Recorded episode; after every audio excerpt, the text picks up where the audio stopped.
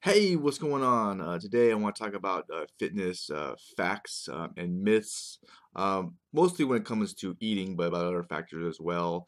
Um, I'm not in the best shape in my life, so I'm actually getting into the topic a little bit, and uh, just want to share a few things that I discovered, uh, a few things that's been on my mind. Before I begin, down below there's a link in the description and if you do click on it, uh, there's actually training uh, when it comes to uh, if you want to get into digital marketing and uh, make money online. Now, one myth that some people have is to lose weight uh, and improve your body, don't eat. Have you ever heard that? And uh, according to, well, my dad gave me this book called Body for Life, um, and it's his favorite book on the topic. And he's in very good shape. He's an old guy. But um, this is what I, some of the stuff I've learned from this from this book. Um, according to the author, what's his name? Bill Phillips. Uh, to build a lean, healthy body, you have to eat a lot. And one of the biggest errors, according to him, is when people try to lose fat, is they improve their health, is they stop eating. Uh, and if you try to starve yourself, then your body uh, will fight back and reduce the ability um, of it to burn fat. Uh, you also burn muscle, and your muscle is needed to burn the fat. So it, it doesn't really work that good. Um, he, he says that you will feel tired, weak, irritable if you don't eat. Uh, that's true. Um, I completely agree with that. And uh, one area that I, am not sure he's correct on, he says that your immune system will suffer if you don't eat. And uh, there's a big debate on that too. And if you Google the topic about fasting, you'll find that fasting uh, if you go three days without eating, it will regenerate your entire immune system. But what I think he's thinking about is nutrition. You need nutrition, okay? Of course, you can take a supplement for that too. Um, but to me, it makes sense that it's like when you're sick, right? You ever have like you get sick and you lose your appetite? It's like your body's telling you, hey, our immune system, we got enough shit to work with. We got to deal with this before you start, you know, bringing in more people that we have to shift shift through what's bad, what's good. So you know, it makes it makes sense to me that when you when you stop eating, it actually helps your immune system. Um, you just gotta make sure you get the nutrition. That's all. That's what I think he was meant, meant with that. All right. So, um, myth: eating three square meals a day is right. And his argument, uh, who wrote this book, Body for Life, is that you want to eat six nutritional meals throughout the day. And he has a really funny way of looking at it, which I want to share with you. He's like, look at bears, right? they eat one meal and they go weeks, months, days, or you know even months without eating again. And um, yeah, there's a bear. You want to be a bear? Okay. And now look at graziers. You know, animals that eat frequently throughout the day. And he's he and he basically says things like horses, elk. He, he he's he's basically says buffalo too, and uh, because uh, they have low body fat and lean muscle. I thought that was a funny way of looking at it. I like eating though, so I mean, I'm not gonna go, yeah, whatever. You know, if, if you like something, you can get anything to support its cause, right? You can find anything on the internet, but I thought that was a funny way of looking at it.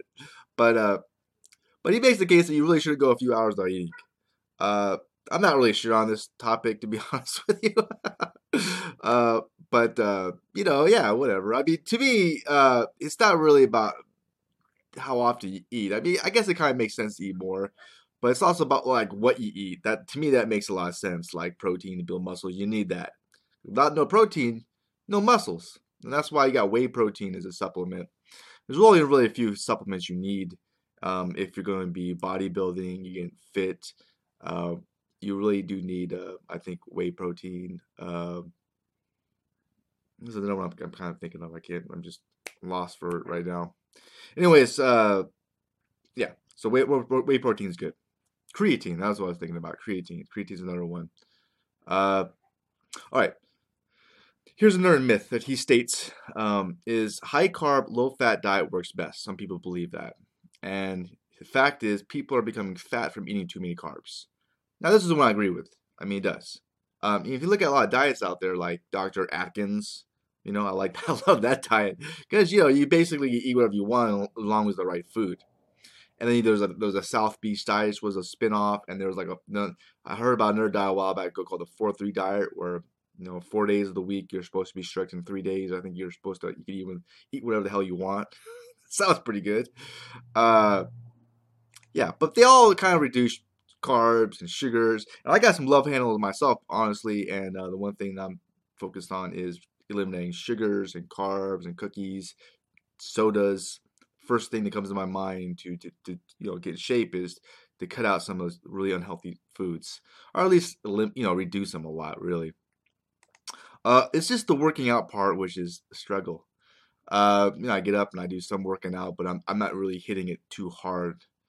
I just you know I'm not like a serious bodybuilder. Just look at me.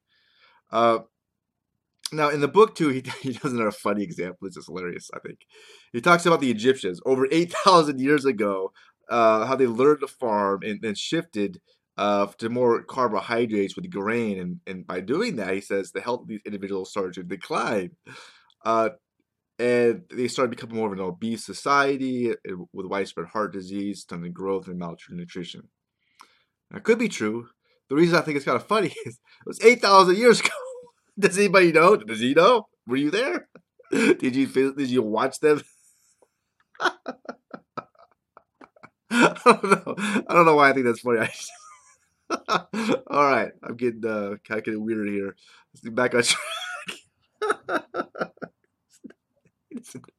Nobody knows. Uh, so it's kind of a funny example. Okay. Uh, all right. So myth.